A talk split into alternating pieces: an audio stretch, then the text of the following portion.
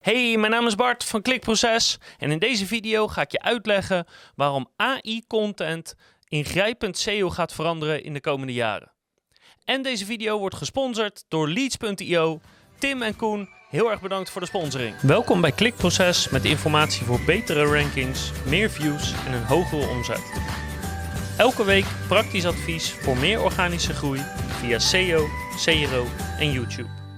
Content is altijd cruciaal geweest voor Google. Vroeger al en nu nog steeds. En met goede content kan je gewoon veel makkelijker ranken.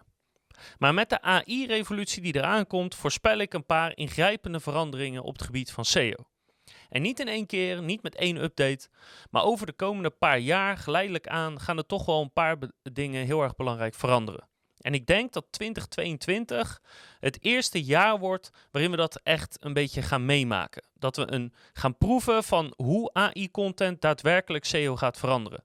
En ik ga je nu uitleggen wat ik dan denk dat er gaat gebeuren, waarom en een beetje over welke tijdsperiode, op welke manier en wat je er zeg maar, tegen kan doen of hoe je kan meebewegen om er maximaal van te profiteren. Kijk, doorgaans als we kijken naar SEO, dan hebben we het zeg maar, over vier pilaren.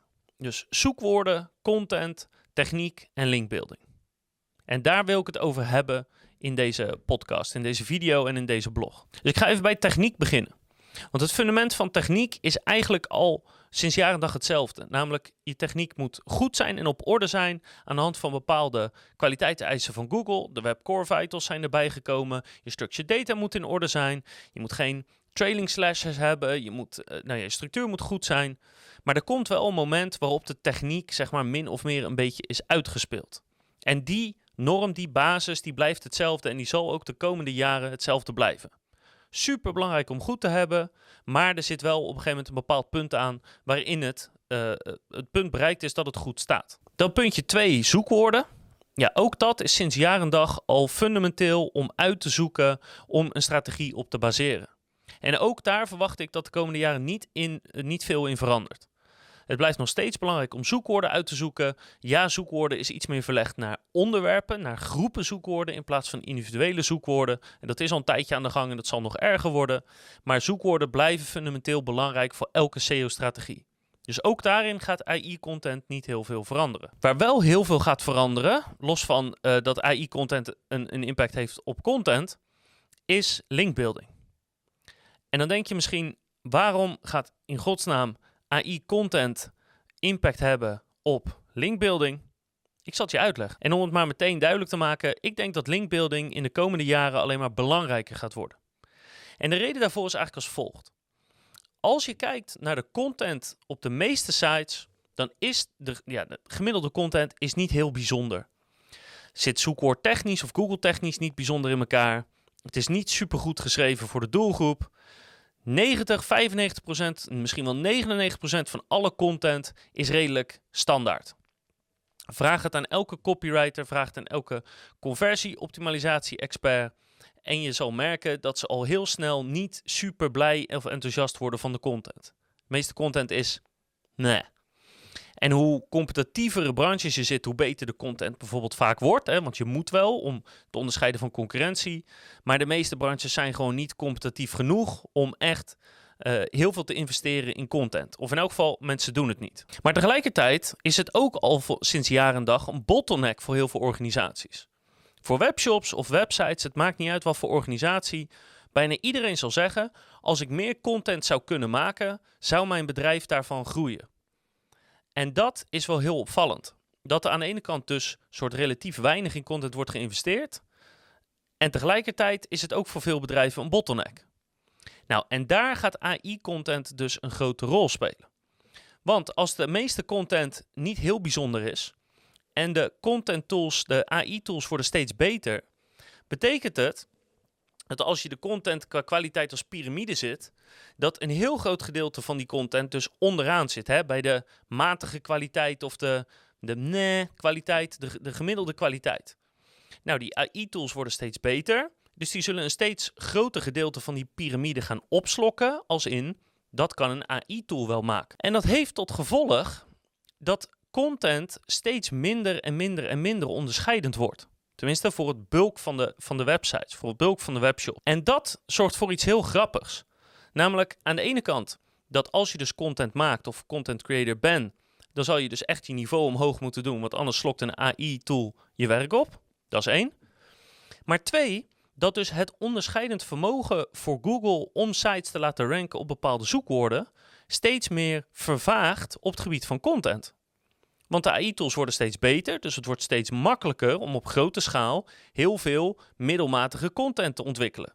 En als alle content middelmatig is, dan heeft Google daar niet een onderscheidend vermogen stukje aan. Het geeft geen signalen meer naar Google van welke hoger moet ranken. En dat betekent, als die signalen min of meer wegvallen of veel minder belangrijk worden, worden automatisch andere signalen belangrijker. En daar komt linkbuilding om de hoek kijken. Want techniek blijft net zo belangrijk, zoekwoorden blijven net zo belangrijk, maar iedereen heeft ongeveer dezelfde content. Dus linkbuilding wordt een van de belangrijkste manieren om jouw website of een specifieke pagina te onderscheiden van andere pagina's. En dat betekent dat linkbuilding dus veel meer aandacht verdient bij organisaties, maar misschien dus ook veel meer aandacht gaat krijgen vanuit Google om te zorgen, ja, hoe gaan we spam tegen? Hoe gaan we meer negatieve signalen tegen, omdat we linkbuilding een zwaarder gewicht willen gaan geven? En met dat in gedachten is de vraag van oké, maar hoe moet je je dan voorbereiden op een AI-content vloedgolf? Nou ja, kijk, het allerbeste is natuurlijk om je niveau te verhogen qua content. Om te zorgen dat je boven het niveau blijft wat AI-tools kunnen ontwikkelen. Dat is het allerbeste.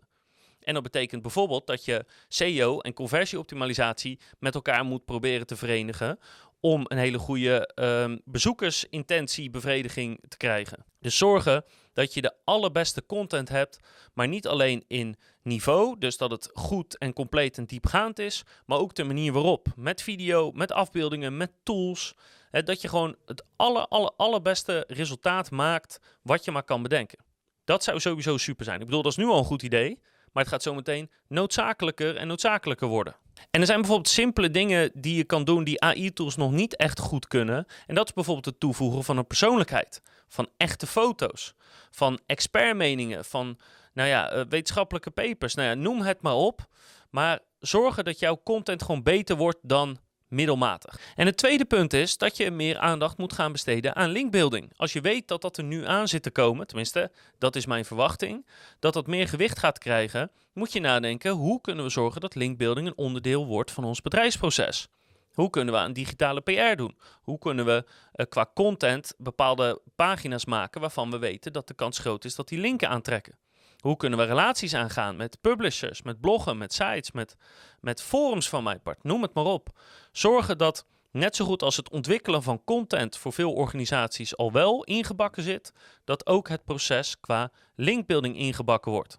En zoek je daar nog inspiratie voor? We hebben een pagina met meer dan 100 manieren, 100 strategieën om te linkbeelden. Dus ik bedoel, keuze genoeg. En er zijn ook zat manieren die in elke branche eh, werken. Dus wat dat betreft geen excuses om het niet te doen.